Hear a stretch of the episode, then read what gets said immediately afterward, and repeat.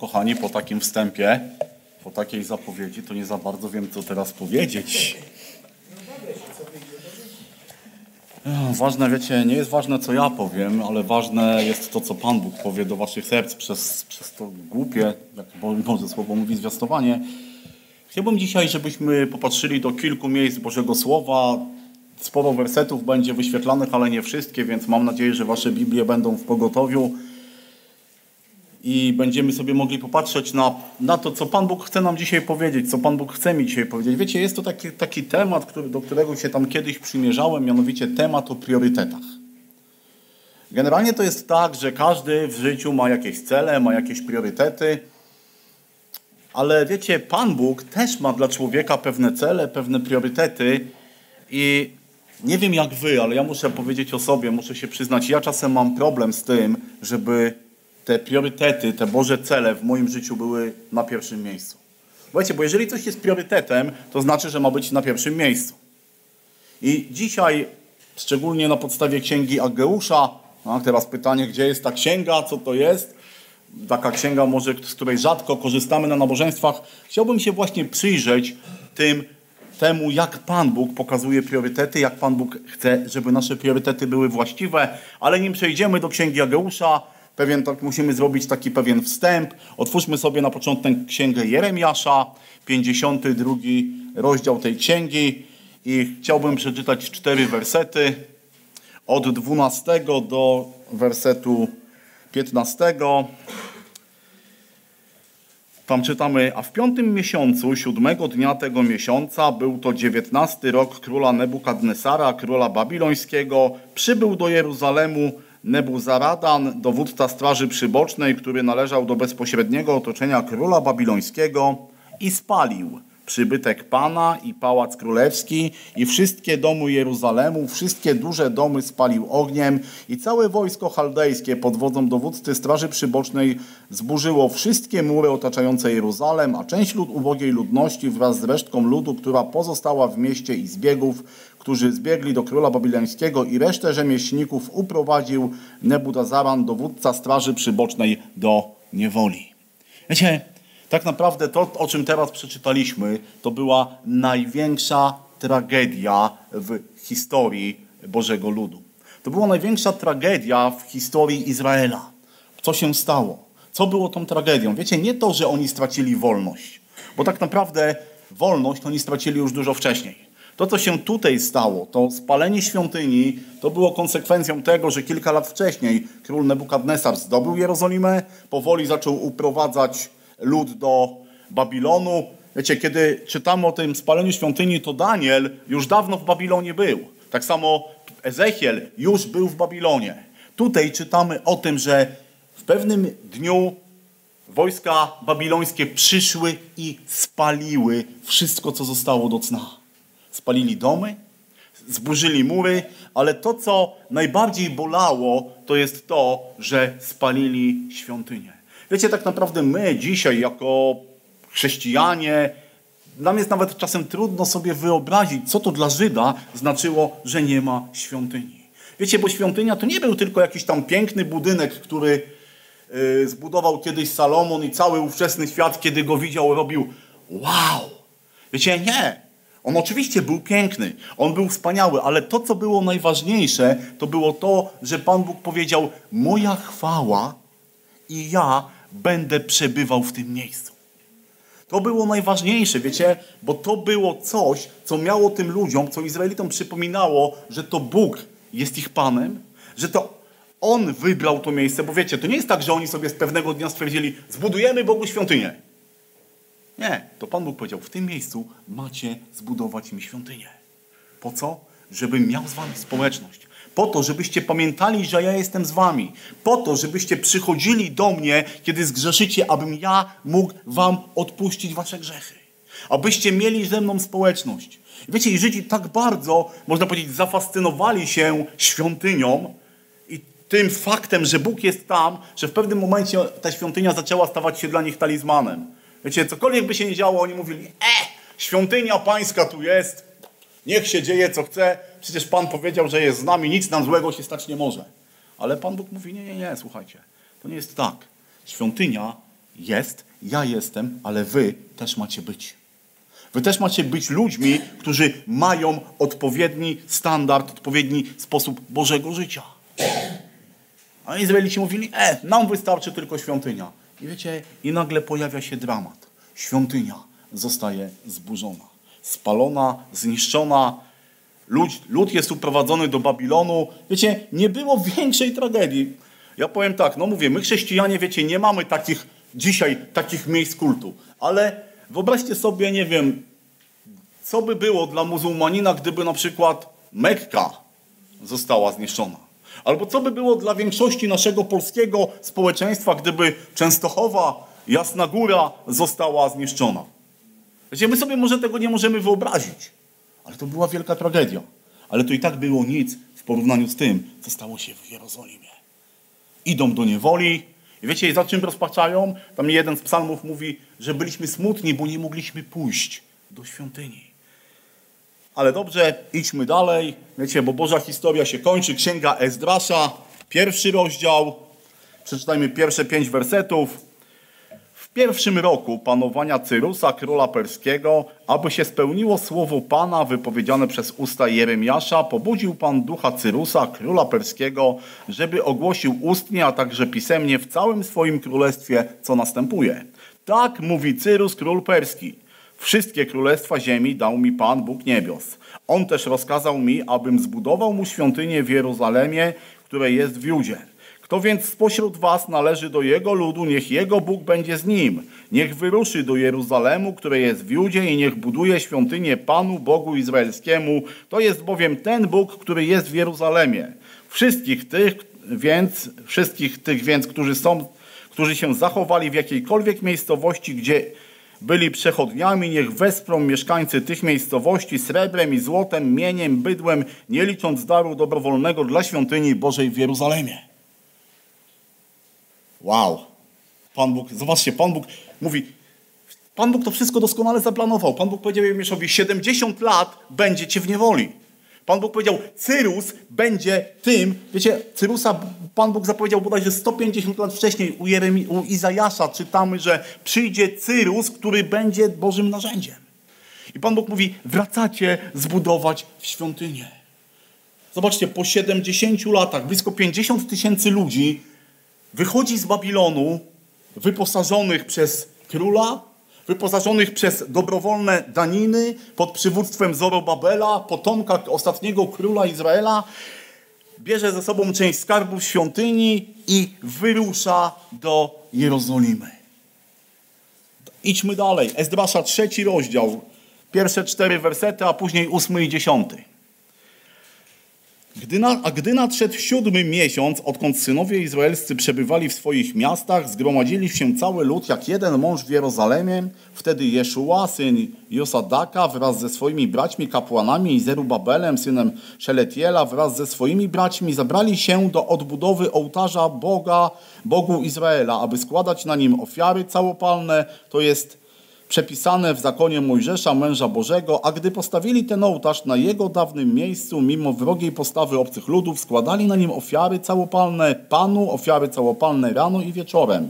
Obchodzili także święto szałasów, tak jest przepisane, składając dzień po dniu ofiary całopalne w należytej ilości odpowiednio do wymogów każdego dnia. I werset ósmy, a w drugim roku po ich przybyciu do domu Bożego w Jeruzalemie w drugim miesiącu Zerubabela, syna Szeletiela i Jeszua, syna Jesodaka i, i reszta ich braci, kapłani i lewici oraz wszyscy, którzy powrócili z niewoli do Jerozolemu, rozpoczęli odbudowę, ustanawiając lewitów w wieku od 20 roku życia wzwyż, nadzorcami robót przy budowie domu Pana i werset 10.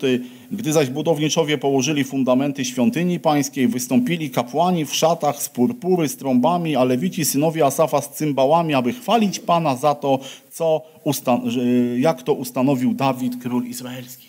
Zobaczcie, co się dzieje. Oni przychodzą, oni zaczynają odbudowę, oni są pełni zapału, pełni radości. Oto Pan Bóg jest tym, który im błogosławi.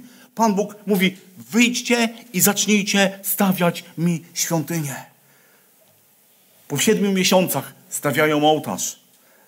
Zaczynają składać ofiary. Wszystko zaczyna iść w dobrym, we właściwym kierunku. Jest zapał, jest działanie, jest wola. Myślę, że wiecie, jedni drugiego zachęcali. Hej, rusz się, rusz, idziemy, idziemy, idziemy oddać Bogu chwałę, idziemy coś dla Niego zrobić. Po to tutaj jesteśmy. A teraz chciałbym, żebyśmy otworzyli księgę, właśnie księgę Ageusza. I przeczytajmy, słuchajcie, całą nie no, może nie całą księgę, ale przynajmniej pierwszy jej rozdział. Nie ma dużo wersetów, bo jest ich tylko w pierwszej księdze, bodajże w pierwszym rozdziale, bodajże jest ich tylko 15. I jakby czytając, majmy, miejmy, w pamięci to, co, miejmy w pamięci to, o czym już mówiliśmy. Wracają, mają cel, mają odbudować i zobaczcie, co czytamy w księdze Ageusza. Drugiego roku króla Dariusza w siódmym miesiącu, pierwszego dnia tegoż miesiąca, doszło przez proroka Aggeusza do Zorobabela, syna Szalatiela, namiestnika Judei i do arcykapłana Jozułego, syna Jehosodaka, słowo Pana tej, tej treści. Tak mówi Pan zastępów. Lud ten mówi, jeszcze nie nadszedł czas odbudowy domu Pana. Wtedy doszło przez proroka Aggeusza słowo Pana tej treści, czy już nie czas dla was na to, abyście mieszkali w domach wykładami tafelkami, podczas gdy dom Pana leży w gruzach? Oto teraz tak mówi Pan zastępów. Zważcie, jak się wam powodzi. Siejecie wiele, lecz mało zbieracie.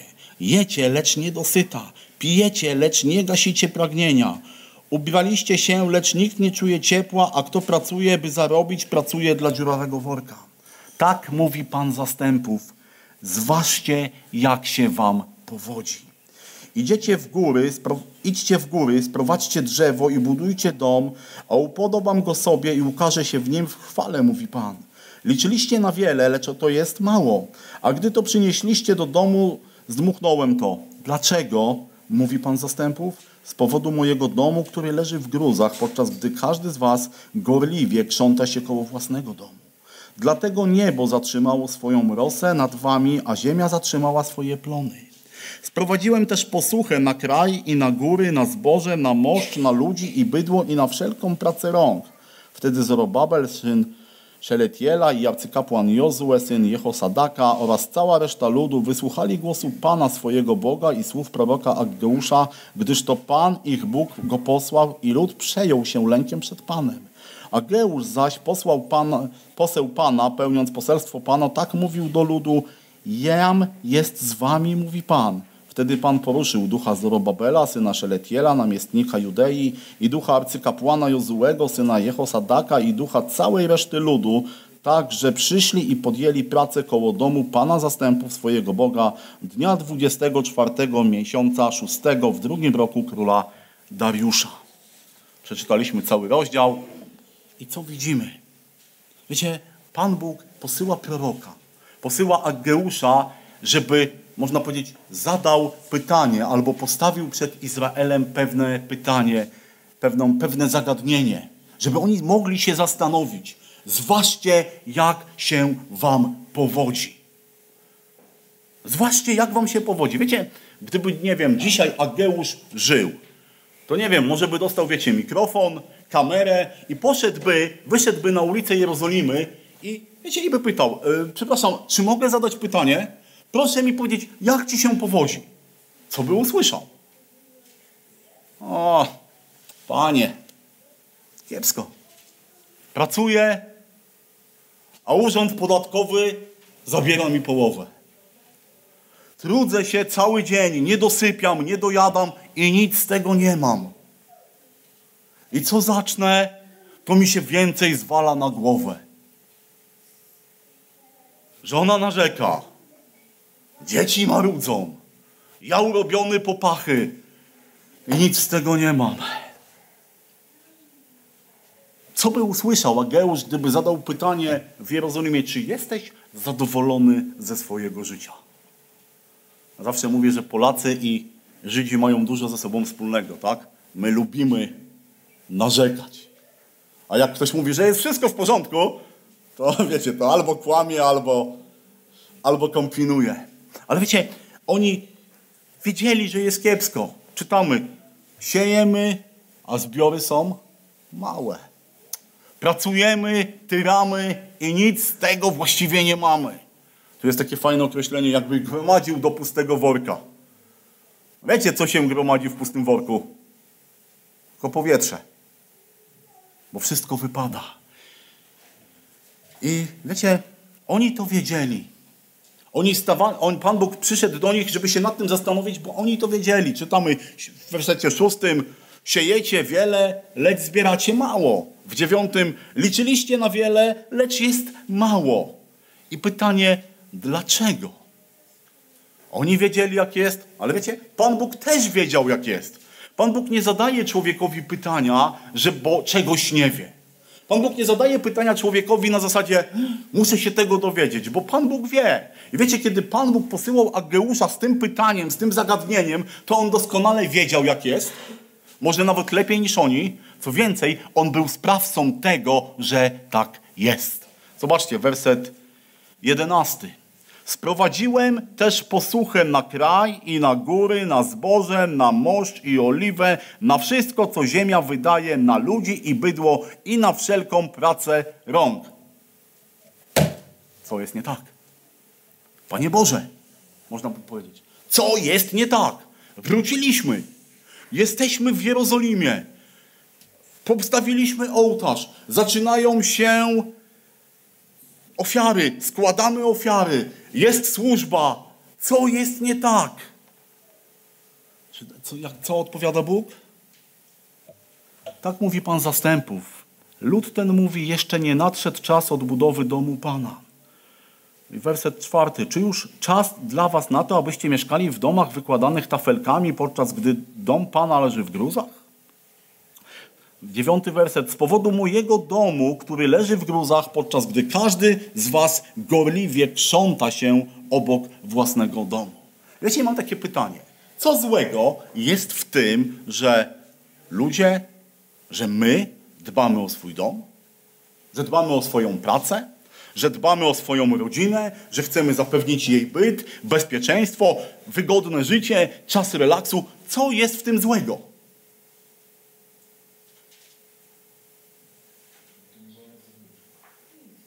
Nic w tym nie jest złego, słuchajcie.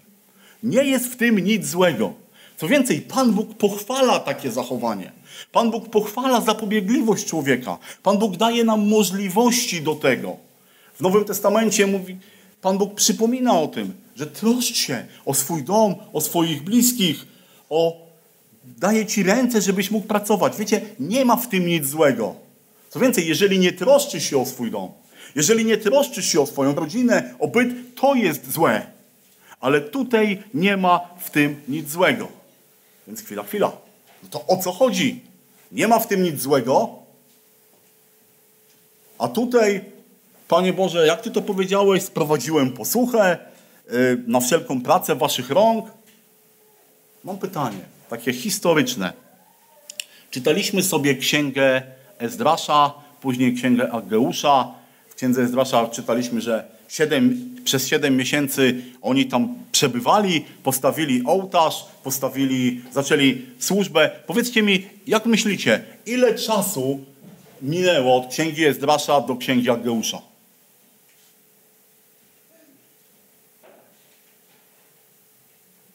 Ile czasu minęło od momentu, kiedy oni wyszli, żeby budować dom Pana, do tego momentu, kiedy Ageusz dostał to zagadnienie, to pytanie do zadania, zważcie jak wam się powodzi. Na ile mogło minąć? Wiecie, kiedy tak sobie to czytamy po kolei, no to właściwie akcja się toczy, ale słuchajcie, od momentu, kiedy oni wrócili, żeby budować świątynię, do tego momentu, kiedy Ageusz został pobudzony przez Boga, minęło 14 lat. 14 lat. Teraz mamy 2023. Pamiętacie, co robiliście 14 lat temu? No. Gdzieś to się rozmyło. Pamiętacie, jakie wtedy mieliście cele w życiu? Jakie plany? Ktoś pamięta? Nie będę pytał, jak tam z realizacją, bo wiecie, jak to jest z, z pewnymi zagadnieniami. Ale zobaczcie, minęło 14 lat. I co mamy? Czytamy domy wykładane tafelkami. To wiecie, to ten, ten zwrot ma kilka takich, y, takich y, jakby to nazwać, określeń, ale chodzi o to, że te domy już były skończone, wykończone, upiększane. Wiecie, to nie było tylko, że stan surowy, byle tylko mieszkać, ale nie. One były upiększane i oczywiście, słuchajcie, nie ma w tym nic złego. Dalej czytamy, że każdy gorliwie krząta się, inne tłumaczenia mówią, biega pilnie, troszczy się tylko o swój dom. Pamiętacie, po co oni przyszli? Co Cyrus powiedział? Co Cyrus im kazał? Co Bóg przez Cyrusa im kazał? Idźcie i wybudujcie sobie fajne domy w Jerozolimie. Idźcie i urządźcie się tam wygodnie. Nie. Pan Bóg mówi, idźcie i wybudujcie mi świątynię. Mija 14 lat i czytamy, że co? Że porzucili swój cel. Wiecie, to był ich cel, to był ich priorytet, oni po to tam przyszli. I Pan Bóg obiecał im, że o wszystko inne się zatroszczy. Zobaczcie, przez 7 miesięcy nie robili nic. Mieli ten czas. Pan Bóg dał im ten czas, że mogli się zatroszczyć. I co? Po 14 latach widzimy, że porzucili swój cel. Bo co?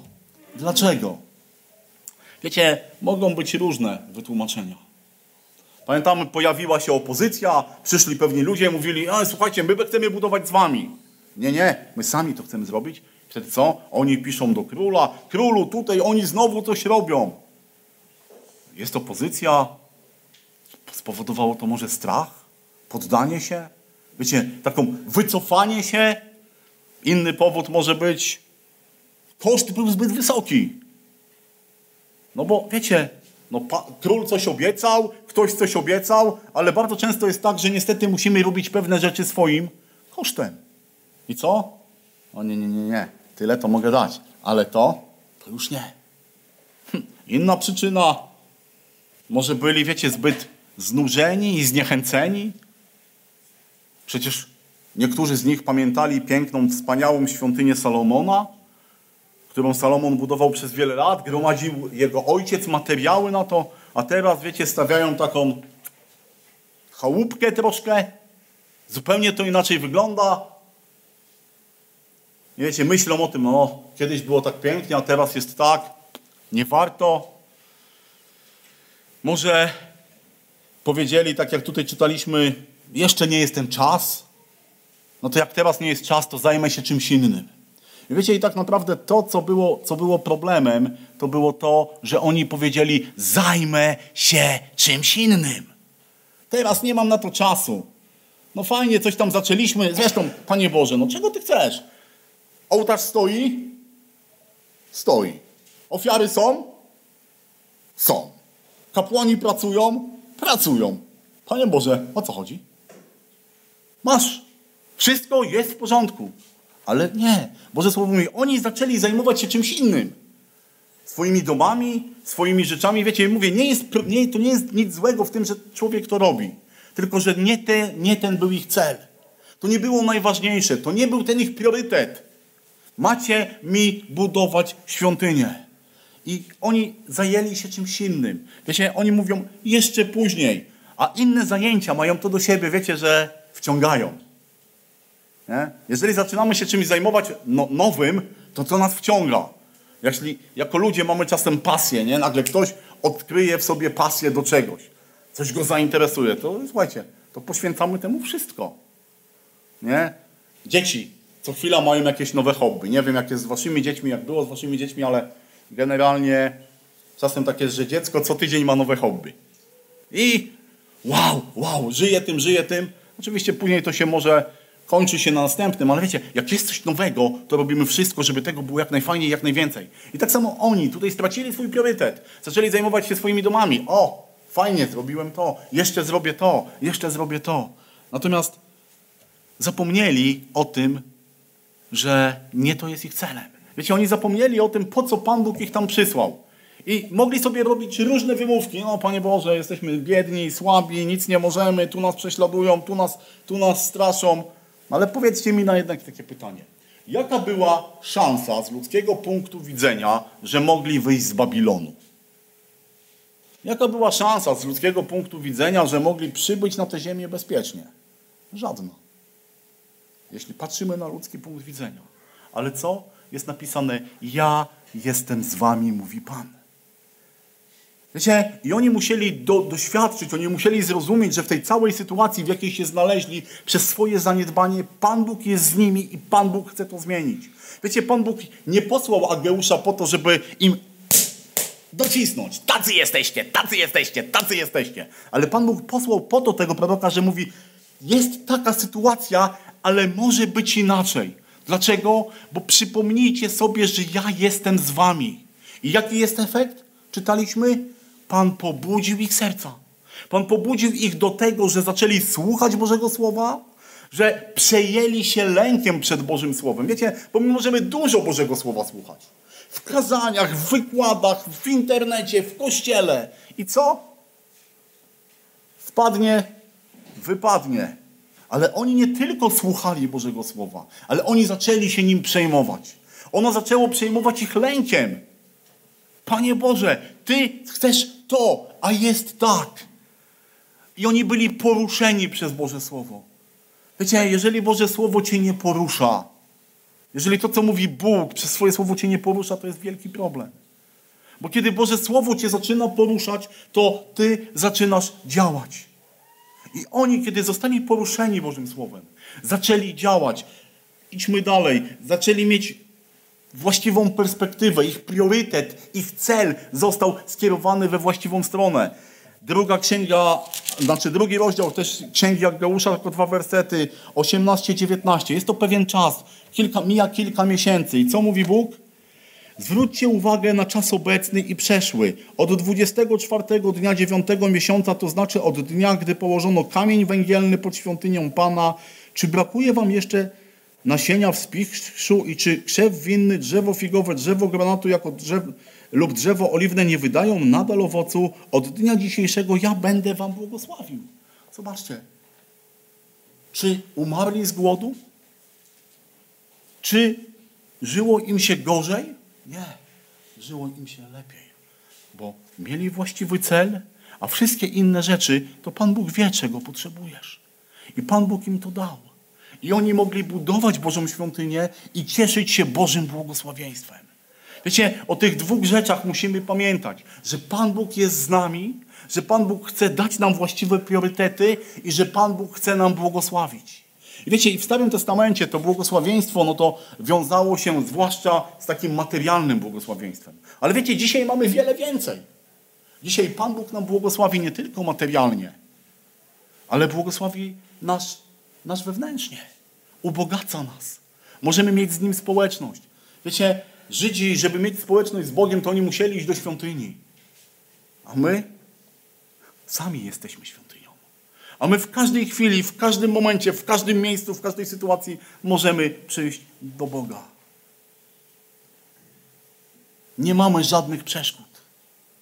Ale czy to oznacza, że Pan Bóg chce, żebyśmy żyli jak chcemy, gdzie chcemy? Nie.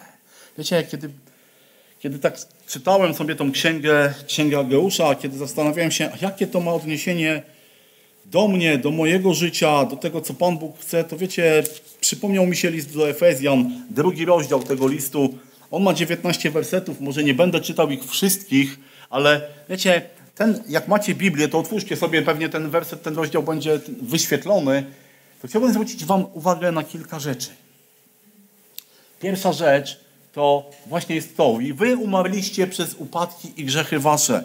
I tam dalej jest napisane, w nich chodziliśmy, w nich trwaliśmy, żyliśmy, byliśmy dziećmi gniewu. I wiecie, to jest taka, taka, taki obraz tego, co się działo w Jerozolimie, co się działo z Bożym ludem, kiedy odchodzili od Boga. My jako ludzie jesteśmy właśnie tacy sami. Daleko od społeczności, daleko od Boga. Wiecie, może mamy jakąś, jakieś pojęcie Boga, jakąś ideę Boga, nawet wiarę, ale Nasze serca są daleko. I później w tym liście do Efezjan czytamy, ale Bóg, który jest bogaty w miłosierdzie dla wielkiej miłości swojej, którą nas umiłował, nas, którzy umarliśmy przez upadki, ożywił wraz z Chrystusem, łaską zbawieni jesteście i wraz z Nim wzbudził, wraz z Nim posadził w okręgach niebieskich w Chrystusie Jezusie, ósmy werset, albowiem łaską zbawieni jesteście przez wiarę i to nie z was, Boży to dar, nie z uczynków, aby się kto nie chlubił. Wiecie, to jest taki nasz powrót. Tak jak oni wrócili do Jerozolimy, to jest nasz powrót do Boga. Byliśmy dziećmi gniewu, miotani przez własne porządliwości, ale Pan Bóg nas umiłował i posłał swojego Syna. I Jego łaska, Jego krew nas zbawiła. I teraz jesteśmy nowym ludem. Tak jak Izrael w Babilonie był niewolnikami, kiedy wrócili, stali się nowym ludem. Mieli stać się nowym ludem. Mieli nowy cel, nowe priorytety, nowy kierunek. I popatrzmy sobie na ten list do Efezjan, drugi rozdział, wersety może od 19 do 22. Tak więc już nie jesteście obcymi przychodniami, lecz współobywatelami świętych i domownikami Boga, zbudowani na fundamencie apostołów i proroków, którego kamieniem węgielnym jest sam Jezus Chrystus, na którym cała budowa mocno spojona rośnie w przybytek święty w Panu, na którym i wy się wespół budujecie na mieszkanie Boże w duchu. Wiecie, kiedy tutaj czytamy o budowli, to o czym my czytamy? Nie o świątyni, ale o nowej budowli, o kościele. Wiecie, czym jest Kościół? Gdybyśmy dzisiaj sobie zrobili taką ankietę, czym jest Kościół? Co to jest Kościół? To wiecie, w Biblii mamy kilka określeń. Jakich? Ciało, oblubienica, ale wiecie, jednym z najpiękniejszych określeń Kościoła jest właśnie to, co czytamy w liście do Koryntian, trzeci rozdział, dziewiąty werset. Albowiem współpracownikami Bożymi jesteśmy, wy rolą Bożą, budowlą Bożą jesteście. A więc Kościół jest budowlą. A więc my, jako ludzie wierzący, jako członkowie Kościoła, jesteśmy budowlą. Wiecie, oczywiście mamy też y, sporo y, wzmianek o o nas jako o świątyni. W liście do Koryntian apostoł Paweł też pisze, jesteście świątynią, tak? Duch Boży mieszka w was. A więc zobaczcie, jesteśmy budowlą. Kościół to budowla. I wiecie, jest to budowla przede wszystkim jaka? Duchowa. Ale wiecie, to, że Kościół jest budową, budowlą duchową, to wcale nie oznacza, że on nie jest widoczny na ziemi. Nie, on jest widoczny na ziemi. Znacie, nawet nasz budynek jest widoczny na ziemi. Budynek tego tutaj kościoła jest widoczny. Kiedy idziemy ulicą, widzimy go. Kiedy stukujemy w Google, widzimy go. Bo to jest też budowla, która jest widoczna. Wiecie, bo Kościół jest zarówno powszechny i taki niewidzialny, który skupia wszystkich wierzących, ale Kościół jest też lokalny. Konkretny zbór, konkretna społeczność w konkretnym mieście jest Bożą budowlą, a my jesteśmy Jego częścią. Kościół ma swoją głowę. Kto jest głową Kościoła? Chrystus. Kościół ma swój fundament. Kto jest fundamentem? Chrystus. Kościół, kto buduje i utwierdza Kościół? Chrystus. Ale wiecie, Boże Słowo mówi też, że my ja i ty też jesteśmy współodpowiedzialni za budowanie Kościoła. Pierwszy list Piotra, drugi rozdział, piąty werset. I wy sami, jako kamienie żywe, budujcie się w dom duchowy, w kapłaństwo święte, aby składać duchowe ofiary przyjemne Bogu przez Jezusa Chrystusa. I wy sami. To znaczy kto? Ja, ty, osoba po twojej lewej, prawej stronie jest odpowiedzialna jest Kościołem, jest budowlą, budowlą, którą buduje Chrystus, ale budowlą, którą ja też buduję. Chrystus zrobił dla Kościoła wiemy ile. My mamy też pewne zadanie, mamy budować. Wiecie, mamy budować. Mamy budować powszechny kościół, mamy budować lokalny kościół, lokalny zbór. A słuchajcie, a gdybym tak zapytał, a co jest dzisiaj, tak jak oni wrócili, żeby ich celem było co? Budowa świątyni. A co jest celem Kościoła? Po co jest Kościół? Wyobraźcie sobie teraz, ja jestem Ageuszem, biorę, biorę mikrofon i zadaję takie pytanie. Co jest celem, bracie, Kościoła? Kochana siostro, co jest celem Kościoła? Mój przyjacielu, co jest celem Kościoła? No po co my tutaj jesteśmy? Ale tak cicho mówicie, wiecie. Mówcie głośniej. Celem Kościoła jest co? Pamiątka. Wzrost. Oddawanie chwały Bogu. Uwielbianie Boga. Wiecie, to jest takie najfajniejsze, najfajniejsze określenie. Kościół jest po to, aby uwielbiać Boga. Zgadzacie się? A co to znaczy? Pięknie śpiewać? Długo się modlić? Y, mówić bardziej czy mniej udolne kazania? Co to znaczy uwielbiać Boga? Co to znaczy, że Kościół ma Boga uwielbiać? Czcić Go w duchu i w prawdzie. Wiecie, Kościół ma kilka zadań. Oczywiście to słowo uwielbienie Boga to mieści w sobie bardzo, bardzo dużo. Wiecie, i ono może być albo takim słowem, którym eh, uwielbić Boga, przecież wszyscy wiedzą o co chodzi. Ale wiecie, jak wszyscy wiedzą o co chodzi, to nikt nie wie o co chodzi. Bo co to znaczy uwielbiać Boga? Wiecie, w Biblii mamy kilka fragmentów, mamy wiele nauczania na ten temat. Dzieje apostolskie, sam początek. Co miał Kościół? Trwali w czym? W nauce, w, we wspólnocie, w łamaniu chleba i w modlitwie. To był cel Kościoła. Trwali w nauce apostolskiej. Co to znaczy? To znaczy, że oni nie tylko mówili o Chrystusie, ale też pokazywali tego Chrystusa na zewnątrz. Wiecie, Kościół był taką latarnią, na którą ludzie patrzyli i widzieli, tam jest Bóg. Pamiętacie, jest taki fragment, pośród was jest Bóg. Widać tego Boga. To był cel Kościoła. Ewangelia Mateusza, ostatni rozdział. Idźcie i co? I czyńcie uczniami. To jest cel Kościoła. Inny fragment, list Jakuba. Czystą pobożnością jest co? Nieść pomoc sierotom i wdowom i zachować siebie niesplamionym przez świat. Wiecie, to jest cel Kościoła. Uwielbianie Boga w tym się, w tym się zawiera.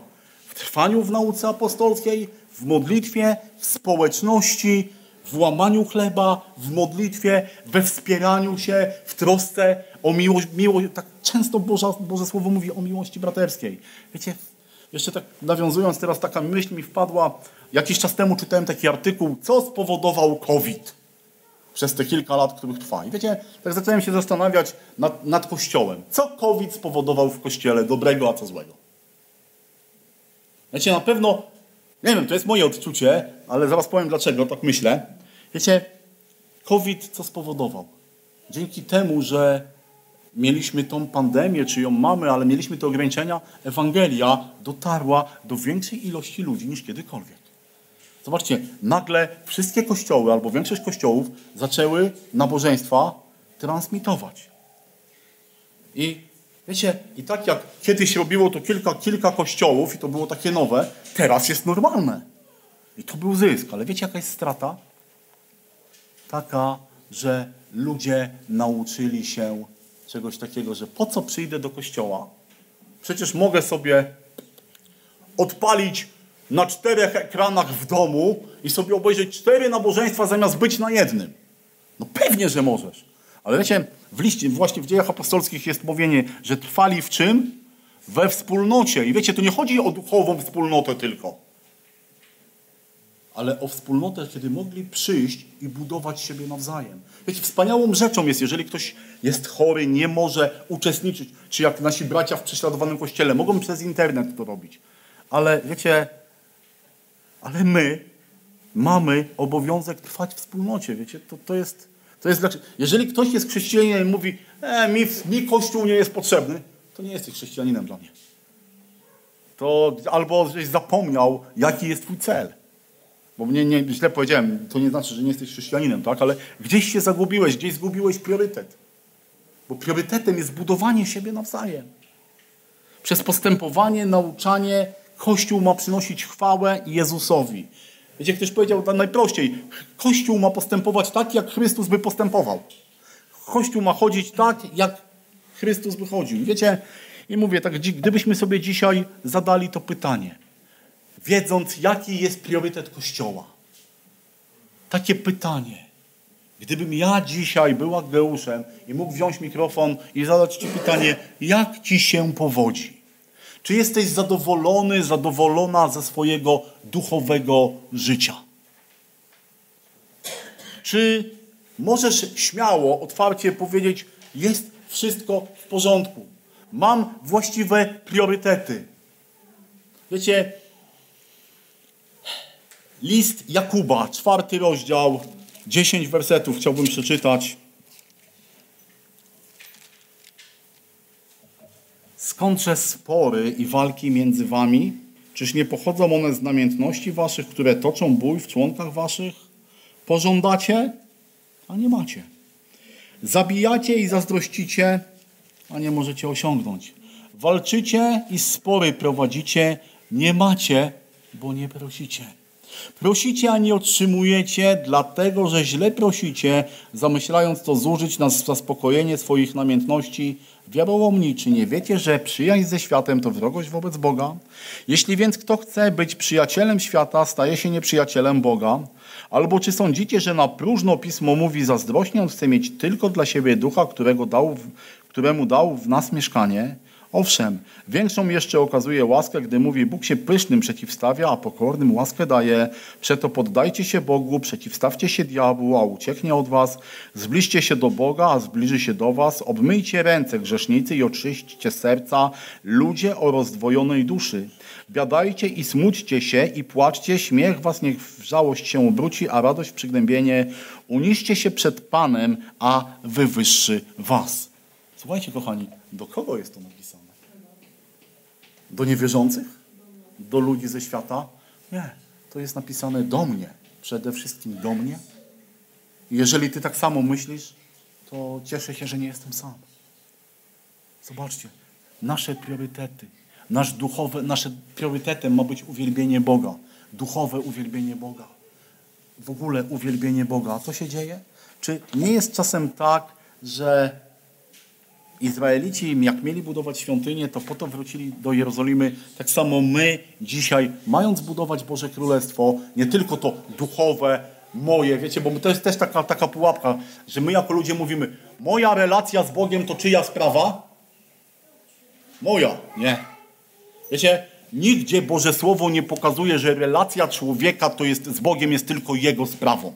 Bo, bo nie należysz do siebie bo jesteś częścią Kościoła. Nie jest, wiecie, kiedy Pan Bóg powoływał Kościół, to jest ciało, budowla, a nie oddzielne elementy. Kiedy Pan Bóg powołuje Kościół, powołuje człowieka do życia z Bogiem, to jego wiara dotyczy całego Kościoła. Ktoś kiedyś powiedział o łańcuchu, że łańcuch jest tak mocny jak co? Jak jego najsłabsze ogniwo. Tak samo jest z Kościołem. Lokalnym zborem, lokalną społecznością, bo teraz może skupmy się właśnie na tym, na lokalnym zborze, na lokalnej społeczności, na tej społeczności. Jaki jest jej cel? Jaki jest jej priorytet? Po co jestem tutaj w kościele? Wiecie, tworząc kościół, zarówno ten lokalny, jak i ten powszechny, mamy nakaz budowania.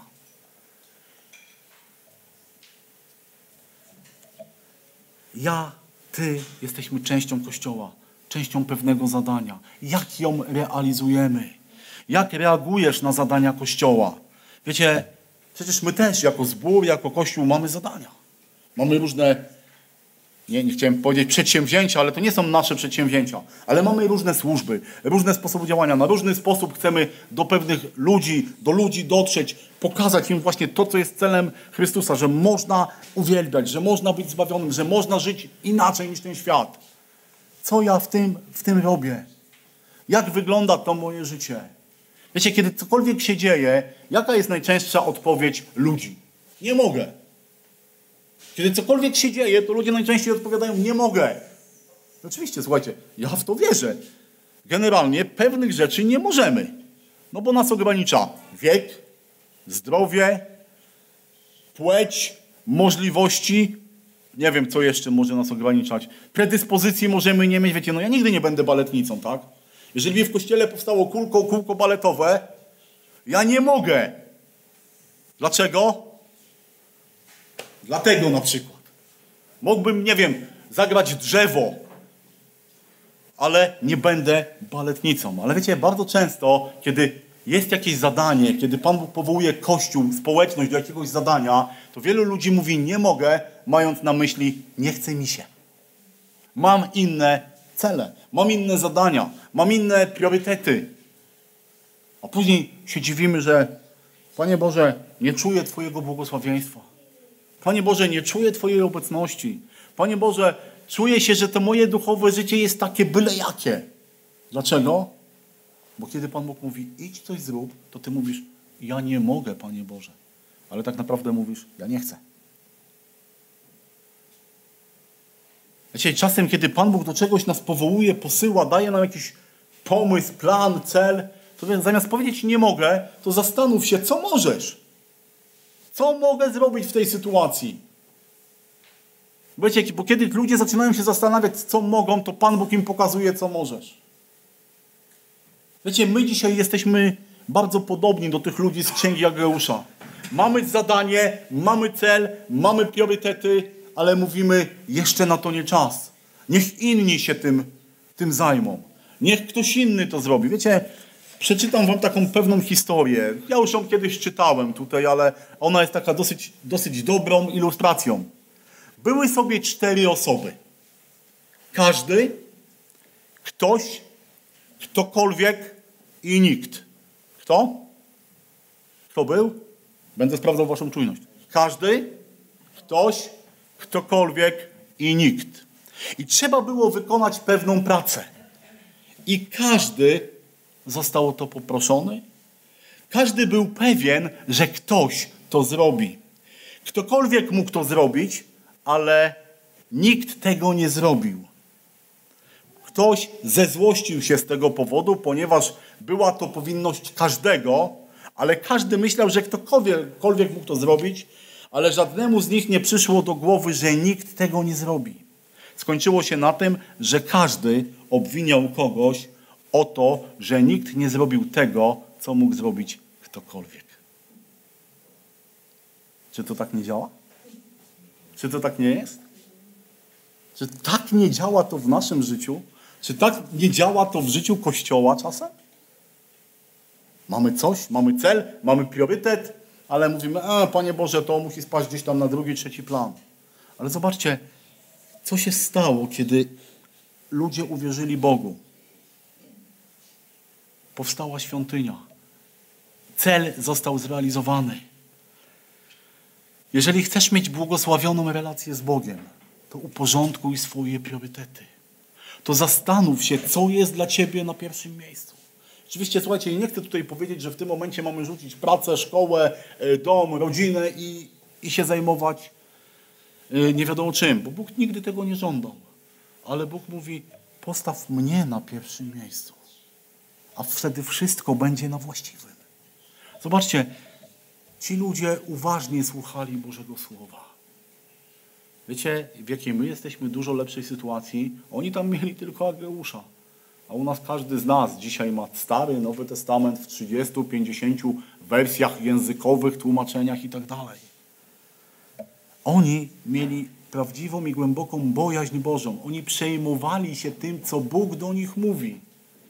Czy ja dzisiaj przejmuję się tym, co Bóg do mnie mówi? Nie tylko podczas nieudolnego kazania, ale podczas społeczności, kiedy czytam Boże Słowo. Czy ja przejmuję się tym, co Bóg do mnie mówi? Czy wiecie, czy to jest taka lektura, bo muszę, tak? Oni też pewne rzeczy tam zrobili w, tym, w tej Jerozolimie, bo musieli. Czy ta bojaźń wpływa na to, że wiem, że jestem człowiekiem żyjącym w Bożej obecności? Wiecie, to nie jest tak, że my jesteśmy ludźmi. Wiecie, dzisiaj mamy coś takiego, rozdział, rozdział państwa od kościoła, tak? Na czym to polega? Że państwo sobie, kościół sobie, albo mamy rozdzielność taką umowną, dom to dom, a praca zostaje w pracy. Ale wiecie, nie ma coś takiego, że duchowe życie chrześcijanina w kościele i życie poza kościołem. Nie, nie ma takiej rozdzielności. Wiara w Bożą obecność. Wszędzie jesteś Bożym człowiekiem. Wszędzie masz Twój cel i Twój priorytet. I wiesz, kiedy, kiedy podchodzisz poważnie do Bożego Słowa, kiedy podchodzę poważnie do Bożego Słowa, to ono musi wykonać natychmiastowe posłuszeństwo. Wiecie, kiedy oni usłyszeli Boże Słowo, natychmiast zaczęli działać. Przewartościowali swoje priorytety, zaczęli działać, robili pewne rzeczy. Wiecie, dzisiaj Pan Bóg też do nas mówi. I tak jak powiedziałem, w dużo, dużo większy, mocniejszy, bardziej nie wiem jak to nazwać, intensywny sposób. I co to powoduje? Co to powoduje we mnie? Co to powoduje w Tobie? Co to powoduje w Kościele? Co co, to powoduje, powoduje w tym zborze. Jakie są moje priorytety? Czy one są właściwe? Czy Bóg jest na pierwszym miejscu? Czy to, co robię, wszystko, co robię, czy jest podporządkowane mojemu celowi? Bo wiecie, bo służyć Bogu, uwielbiać Boga w tym szerokim znaczeniu jako Kościół, jako jednostka, to nie, nie, nie robimy to tylko wtedy, kiedy czytamy Biblię, kiedy jesteśmy w Kościele. Każdy, w każdej sytuacji, nawet jak zapomnisz swojej Biblii, nawet jak jesteś w jakikolwiek w innym miejscu, nie w Kościele, zawsze Twoim priorytetem jest uwielbienie Boga. Bo nawet nie wiesz, w jakim momencie ludzie będą patrzeć na Ciebie i mówić, w nim, w niej naprawdę jest Bóg. Jakie są moje priorytety? Czy one są właściwe? Czy, znam, czy wiem, co muszę zrobić, jeżeli moje priorytety są, są złe? W jaki sposób mogę to zrobić? Czy słucham Bożego Słowa? Czy pamiętam o Bożej obecności? I czy Boże Słowo pobudza mnie do działania, do natychmiastowego działania? Czy Boże Słowo powoduje u mnie uświęcenie, czy zniechęcenie? Nie wiem. Wiecie, to są pytania, które, to nie, nie to, że ja chcę zostawić was z tymi pytaniami, ale to są też takie pytania do mnie. Wiecie, bo, bo każdy z nas, każdy w każdej chwili powinien zastanowić się, wiecie, powinniśmy być bardzo czujni w tym, jakie mamy priorytety. Bo bardzo szybko może się okazać, że one, wiecie, gdzieś zbaczają. Ci, oni w Jerozolimie pewnie nie od razu stwierdzili, je, rzucamy wszystko i robimy swoje. Nie. Może stwierdzili, dzisiaj skończymy pół godziny wcześniej. Dzisiaj odpuszczę sobie troszeczkę. Dzisiaj nie pójdę do tego zadania. Jutro nadrobię. Ale jutro nie... pojutrze, za tydzień, za miesiąc w ogóle.